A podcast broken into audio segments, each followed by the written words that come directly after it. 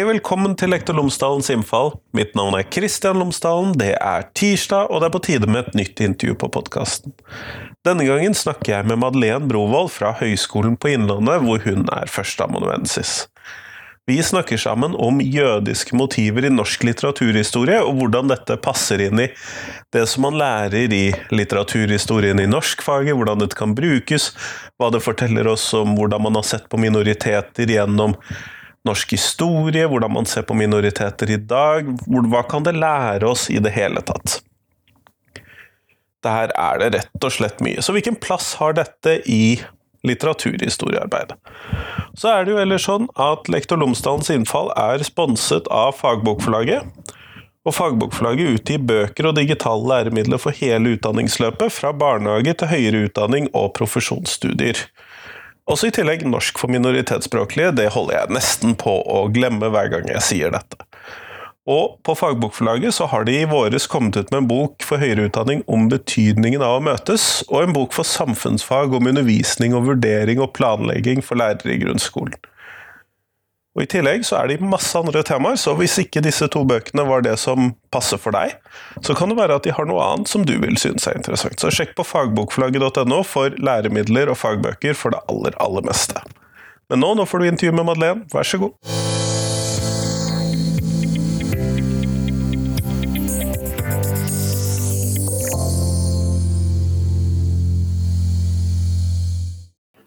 Madeleine Marie Brovold, tusen takk for at du har tatt deg tid til meg i dag. Tusen takk for invitasjonen.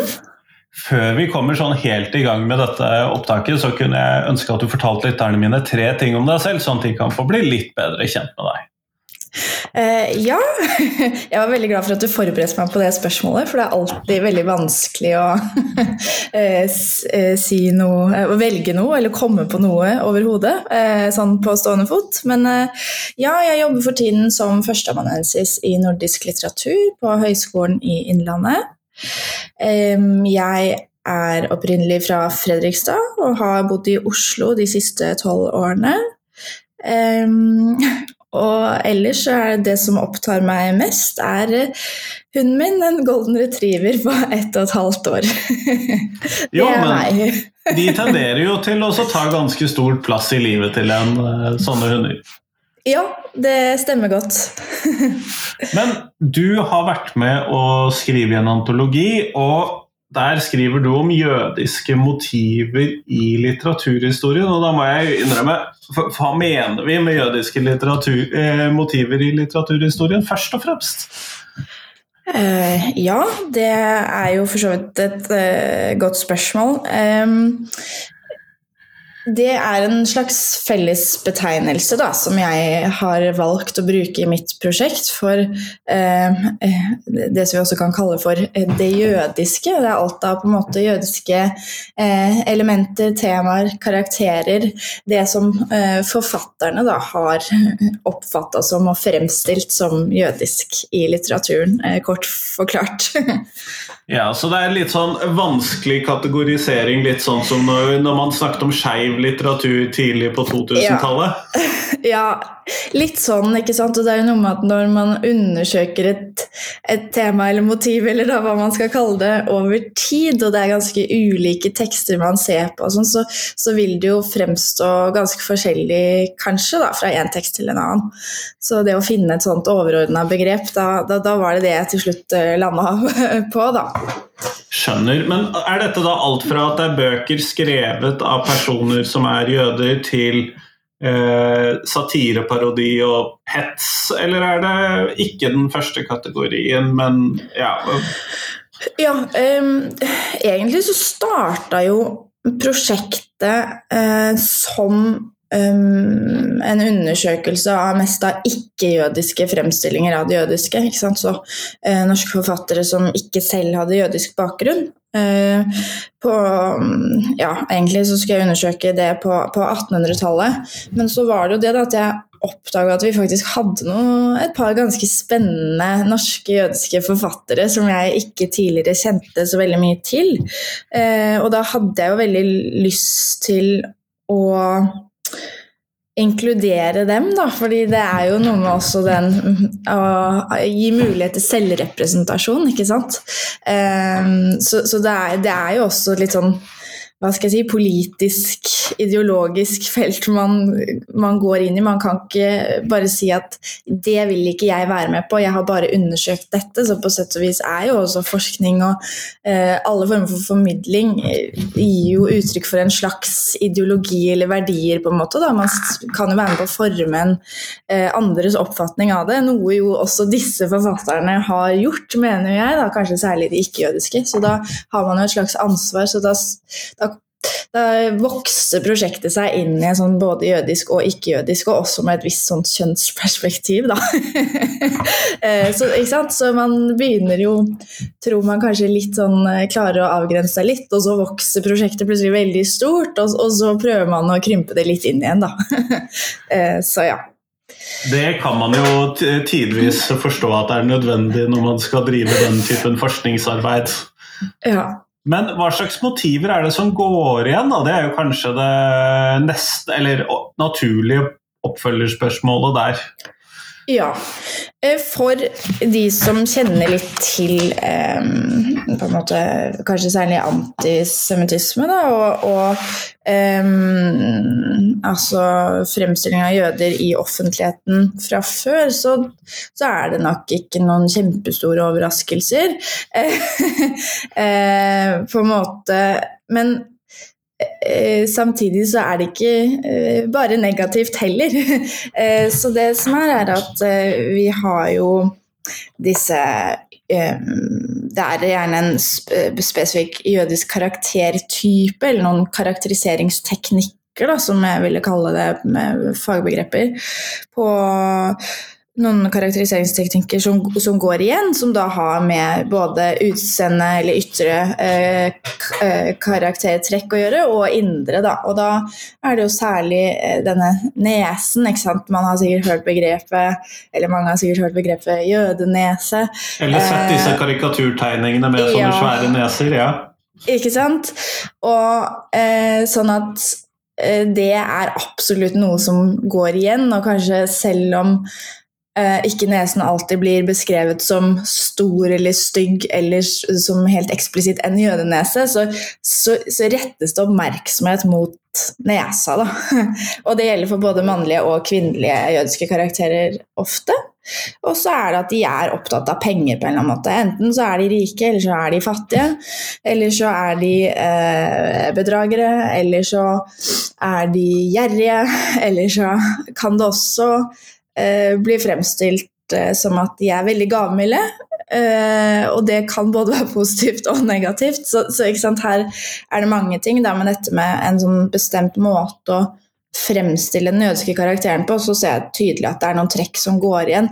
Så noen trekk, sånn som dette pengejødemotivet, da, som, som flere kaller det, det um, gjelder både for de mannlige og de kvinnelige karakterene. Uh, mens særlig før uh, Jeg mener at det, jeg, jeg, jeg, tror ikke det er veldig Eh, overraskende det heller, men jeg mener at det går et tydelig skille ved holocaust. Da. Sånn at eh, fremstillingene av de mannlige jødiske karakterene før holocaust var ofte litt, litt eller veldig negativ. Eh, mens eh, faktisk så ble de kvinnelige jødiske karakterene fremstilt ganske positivt i det lille jeg har funnet om dem da, i 1700- og 1800-tallslitteratur. Eh, Sånn at det var et tydelig kjønnsskille, med andre ord? Ja. Eh, sånn at de var Mens de mannlige jødene uh, i litteraturen er da ikke så veldig positive typer, så er de kvinnelige jødene er uh, vakre. Veldig, veldig vakre. De er orientalske skjønnheter med røde lepper og Ja. Men, men det interessante er jo at den romantiske forestillingen om den kvinnelige jøden går faktisk litt igjen også i etterkrigstiden. Da. Eh, så det syns jeg jo er ganske interessant, med det mørke håret og eh, den vakre ytre fremtoningen og eh, Ja, kanskje har de en markert nese, om ikke den er stor. Men ja, så, så, her er det noen trekk som, som også går igjen etter holocaust da, på fremstillingen av de kvinnelige jødene. Så, det, så det, det, var et langt svar på et kort spørsmål. Som, det er bare ett, den ene av de fem motivkretsene jeg mener går igjen. Da. Men jeg mener at den kanskje er noe av det viktigste, fordi som leser av litteratur, så er jo det noe av det, det tydeligste og det første du møter. ikke sant? Disse, hvem er disse karakterene eh, i boka, og hvordan fremstår de? Så det er kanskje noe av det aller mest tydelige, da. Um, og så har vi jo da fire andre som jeg skal prøve å komme inn på litt kortere. Jo, jo, men det, det, det, motivet du da har skildret der, er jo et ganske dominerende motiv, og et som man ja. ofte har hørt om før, og som kanskje dermed mm. også fortjener litt sånn hva skal vi kalle det, rom. ja, ja, ikke sant. Og det interessante er jo, syns jeg i hvert fall, at selv om nå foregriper jeg kanskje litt uh, det vi skal prate om senere, men uh, at det er jo uh, ikke nødvendigvis så mye antisemittisk norsk skjønnlitteratur. men fremstillingene av jødiske karakterer kan likevel være ganske karikerte, eller stereotype, som jeg ville si. Da, og men eh, i en, noen tekster så blir det faktisk brukt til å forsvare jødene og jødenes eh, likestilling eller likeverd da, med kristne eller andre ikke-jøder. Eh, så det kan også brukes på en positiv måte, selv om det tilsynelatende er litt er minoriserende og problematisk. Da, ikke sant? Så, så, det er kanskje noe av det aller mest interessante. Så her må man jo da på en måte se på uh, hvilke signaler eller verdier teksten som helhet formidler. Da. Kanskje ikke bare fremstillingen av en jødisk karakter som uh, ved første syn kan virke veldig hva skal jeg si, antisemittisk fremstilt. Nettopp sånn at det er et, hva skal vi kalle en ganske vanskelig balansegang noen, gang, noen steder her, da, i, i disse fremstillingene opp imot budskapet i tekstene.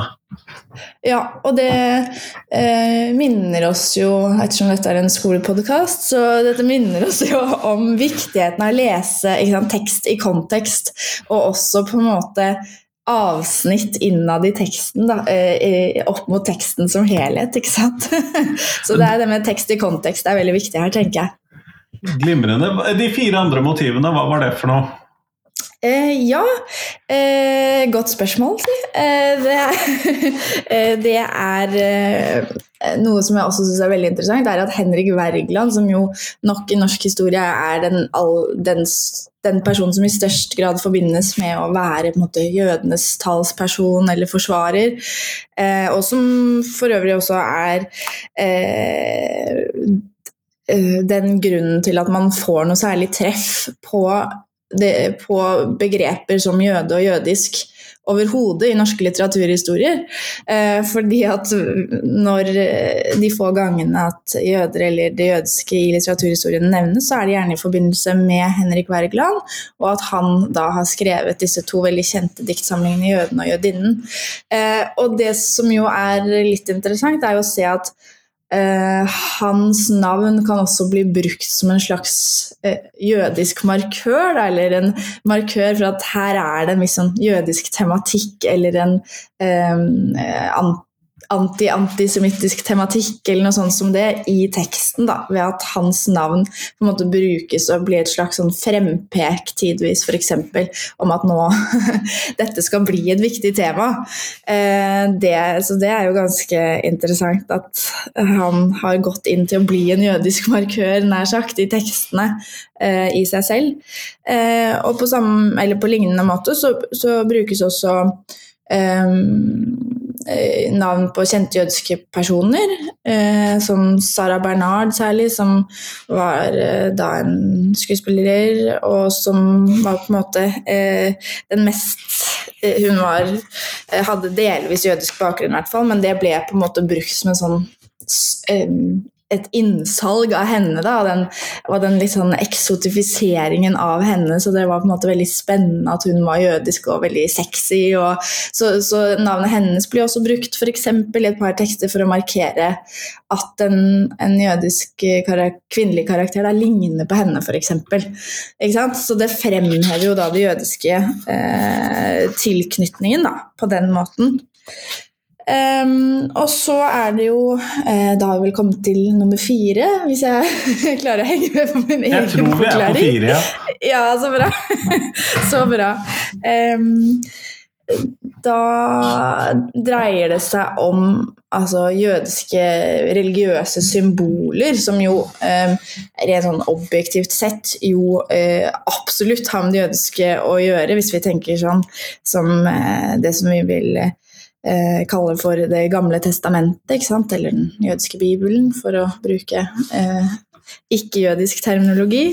Eh, og f.eks. da menoraen, den syvarmede eh, lysestaken, kanskje kippa, altså den eh, lille eh, hatten som man eh, har på som særlig jødiske menn da, bruker på hodet for å eh, vise respekt eh, mot Gud. Osv. Så, så det kan også brukes da i litteraturen, men, og det høres jo ganske logisk ut, ikke sant? At er det en jødisk tematikk i boka, så vil det dukke opp noen jødiske religiøse symboler, men saken er jo den at det, det ofte ikke er relevant, da. Verken for karakteren det forbindes med, eller for handlingen i boka. Sånn at uh, det blir mer en slags sånn staffasje for å markere at nå, nå er vi i uh, noe slags hva skal jeg si, jødisk tematisk territorium, på en eller annen måte. Um, ja, også... en, en, karakter i fortellingen kommer inn i et hjem, og der ser han at det er en davidsstjerne og en ja. lysestake og Takk, ja, veldig godt eksempel. Eh, og det kan også da være for eh, Og det her er jeg ikke noe ekspert på, men det å ha jødisk identitet, det kan jo eh, ha med en eh, selvidentifikasjon å gjøre som jødisk eh, og, og religiøs troende, men det kan jo også ha med å gjøre at du har jødisk familiebakgrunn, ikke sant. Så det er en mer sånn, hva skal jeg si, etnisk tilhørighet, eller det kan også være en kulturell tilhørighet.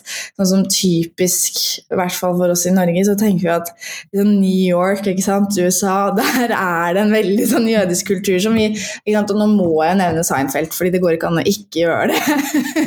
og så, eh, ikke sant, så, så, vi har jo eh, det, der er jo ikke det, det, det religiøse noe fremtredende overhodet, men det er likevel en sånn eh, jødisk mattradisjon. At man eh, bruker noen jiddische ord eller uttrykk eh, inn i det ellers engelske språket, da, eller norsk i vår sammenheng. Så, så det er jo eh, eh, sånn sett eh, da ikke nødvendigvis eh, no, Det har liksom ikke noen plass i fortellingen nødvendigvis da, med at man har en sånn syvarma lysestake hjemme som blir tatt fram kanskje i spesielle anledninger. da, ikke sant? Så det blir mer for å markere for den ikke-jødiske leseren at her er det noe jødisk, så det er en slags hint for å spore an da, til en litt sånn stereotyp jødisk identitet. ikke sant? Fordi alle jøder har en syvarma lysestaker, en davidsstjerne hjemme, på en måte. Um, ja, og så er det det som jeg også da har vært litt inne på. Og det er dette pengejødemotivet, eh, som jeg da nevnte i forbindelse med hvordan eh, liksom, lager man en litterær jødisk karakter. Eh, men også pengejødemotivet er også da viktig kan også være viktig i forbindelse med, med plottet, da, sånn som Særlig i noen 1800-tallsdramaer som jeg undersøkte i masteroppgaven min da jeg skrev den, og eh, som jeg også da har eh, med i et kapittel i avhandlinga mi. og det, der er det jo særlig tydelig da, at hele handlingen, hele den forvekslingskomikken er forbundet med at er, sant, jødeparagrafen, er, eh, jødeparagrafen er gjeldende i Norge 1814 til 1851. Og da eh, blir det jo eh, altså ulovlig for en jøde å oppholde seg i Norge overhodet.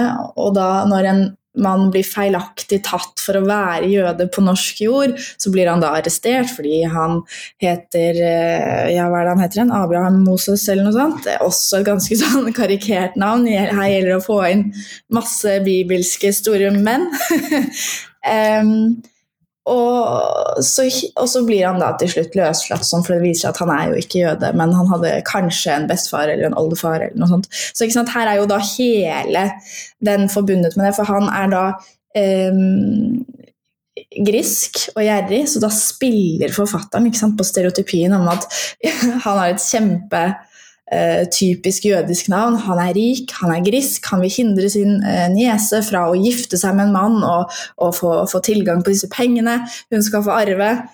Så dette må da være en jøde. Uh, så da blir han arrestert på bakgrunn av det. da. Så det er jo et veldig tydelig eksempel da, på det, men altså dette pengejødemotivet går da på ulike måter igjen, da.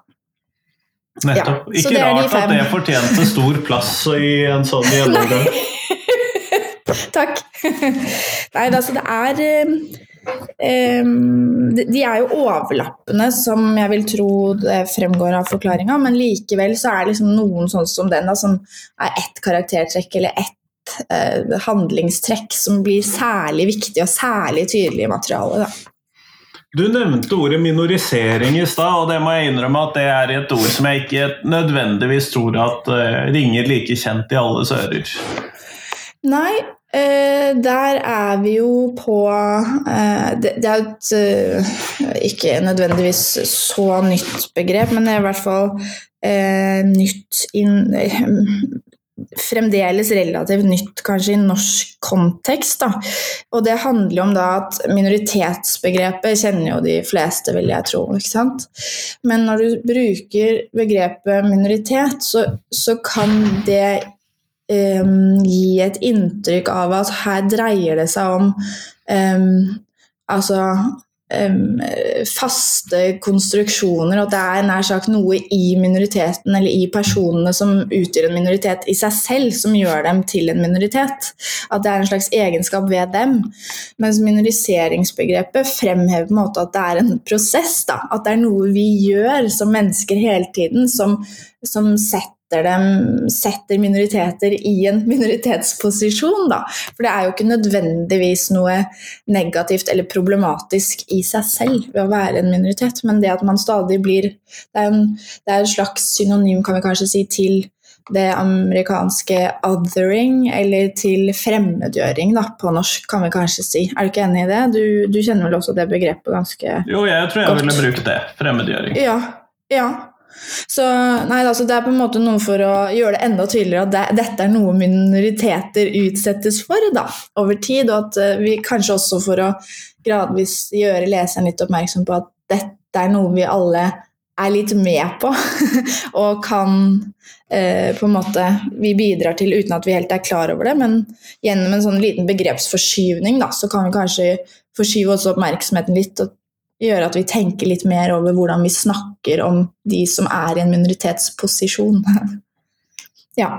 Men hvordan tenker du at dette her eh, det jødiske motivet, eller de jødiske motivene, blir viktig i en sånn hva skal vi kalle norsk skolesammenheng? Det er jo eh, Hvilke tanker har du gjort deg om det? Ja eh, det, det er et godt spørsmål.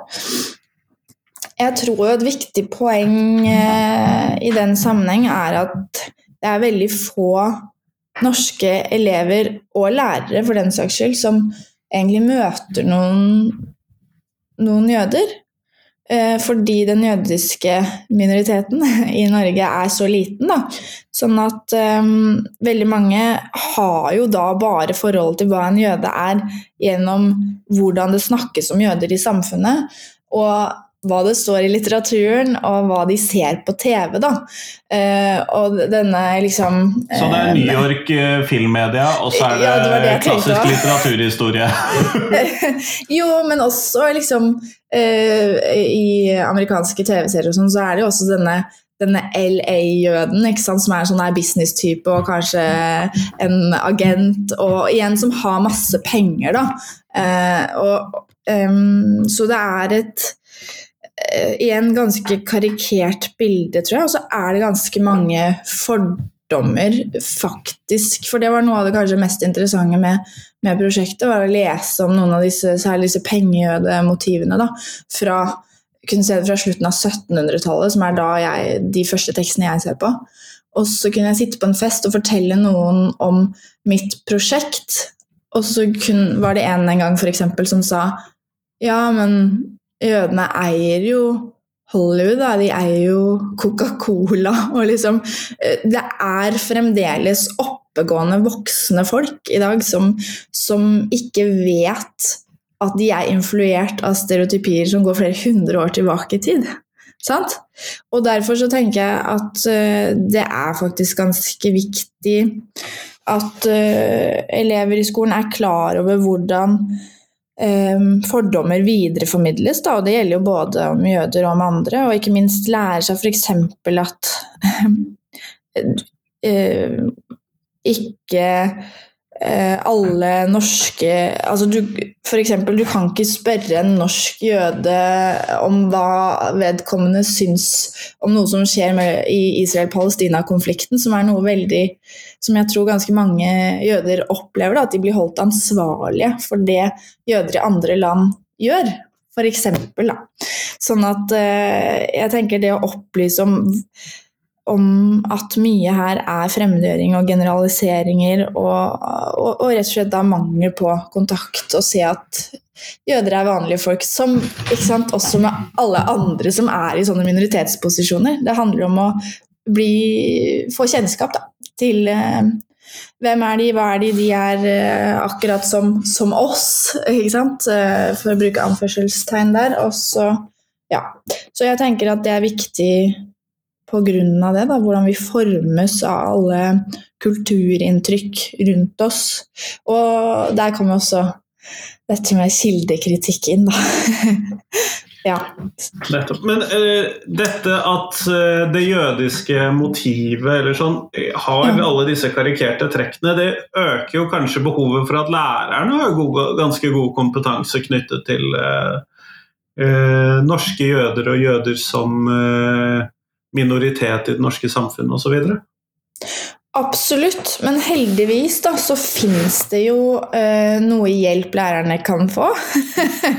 Ettersom Eh, altså, man skal jo være et vandrende leksikon som lærer eh, i norsk skole. Altså, man skal kunne sette opp budsjetter, og man skal kunne fortelle om sant, stortingsrepresentantene og hvor mange de er, og i det hele tatt. Og, og, så, så, um, og man skal kunne analysere tekster og, og veldig mye annet.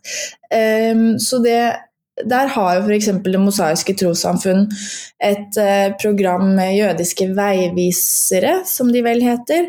Eh, nå ble jeg plutselig veldig usikker på om det var akkurat det de het. Nei, det er det de heter. Det er det, det, er de, det de, heter, ja. Så bra. um, jeg har hatt besøk av de i min klasse. Ja, har du det? Så fint. Uh, da kan sikkert du egentlig fortelle mer om det enn det jeg kan, da. men jeg kjenner litt grann, hvert fall, noen av de jødiske veiviserne. Uh, jeg skal bl.a. møte en av dem denne uka her. Uh, så, og, og, de kan jo dra, de drar rundt på skoler i hele landet, så vidt jeg vet. Gratis også? Gratis, og kan bestilles inn da læreren som trenger litt kompetanse, og de, de er jo der da som eh, det som også er viktig, er nok at de er gjerne sånn tidlig i 20-årene, og sånn, så de er litt, i hvert fall for eh, videregående skoleelever, da, så er de jo litt mer relaterbare enn eh, kanskje læreren som står der og verken er jødisk eller lenger i 20-åra og kan føles veldig langt unna på en måte livserfaringen til eleven. Da. Så, så de kan jo da fortelle om hvordan er det å være jøde i Norge i dag. Hvordan, også kan, også, ikke minst, kanskje noe av det viktigste er at kan stille, elevene kan stille disse disse spørsmålene de har. Da. Og sånn, lurer du på om du kan spørre en jøde du møter f.eks. om Israel-Palestina-konflikten, for å bruke det eksempelet igjen, så kan du faktisk spørre dem om det, og de er veldig lite dømmende, er mitt inntrykk. Jeg vet ikke hva Og det de tror jeg er sånn et spørsmål de har fått en del ganger, så der mistenker jeg ja. at de har svaret ganske klart. Ja, ikke sant, og jeg tror de egentlig blir bare veldig glad da, for å bli spurt om det, fordi det er jo ikke godt å vite, da. Når, og, og, da, hva som er riktig å gjøre alltid, og sånn. Så der har du jo noen du faktisk kan på en måte spørre. Og igjen, de er selvfølgelig ikke representanter for alle jøder, men for seg selv, men de har jo en viss sånn formening om hvordan det føles for dem å kanskje ha hatt en samtale med andre unge jøder de kjenner, osv. Så, videre, så mm. det er vel egentlig er ikke det veldig bra? Som, som jo, lærer jeg tror jeg skal ta og slenge inn en lenke til eh, Jeg har jo selvfølgelig til teksten din, men også da til jødiske veivisere i shownotesen til episoden, sånn at de som ja. Eh, har lyst til å finne dem ikke bare kan google, men også kan finne de lett på en lenke. ja, men så bra, for de er kjempeoppegående og flinke unge mennesker som jeg tror kan hjelpe mange lærere som føler at de ikke helt har den kompetansen som de kanskje skulle ønske at de hadde da, for å ha en sånn god samtale.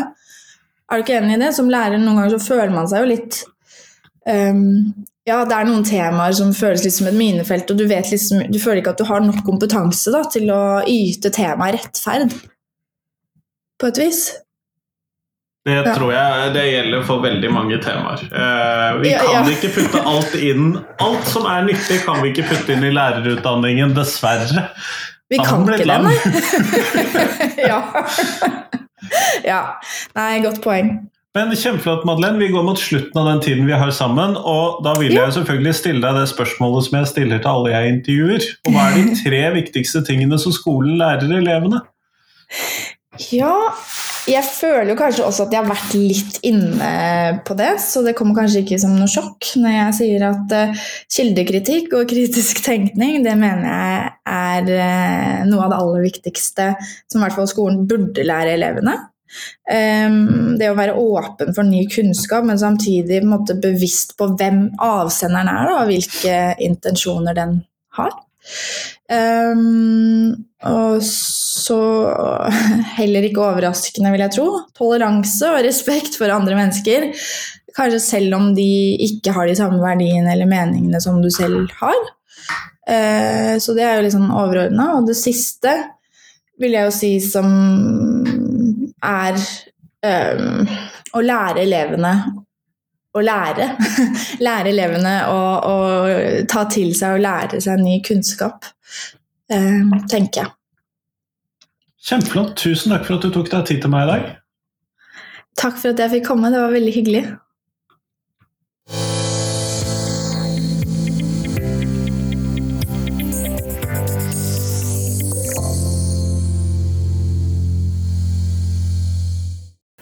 Tusen takk til Madeleine, og tusen takk til deg som hørte på.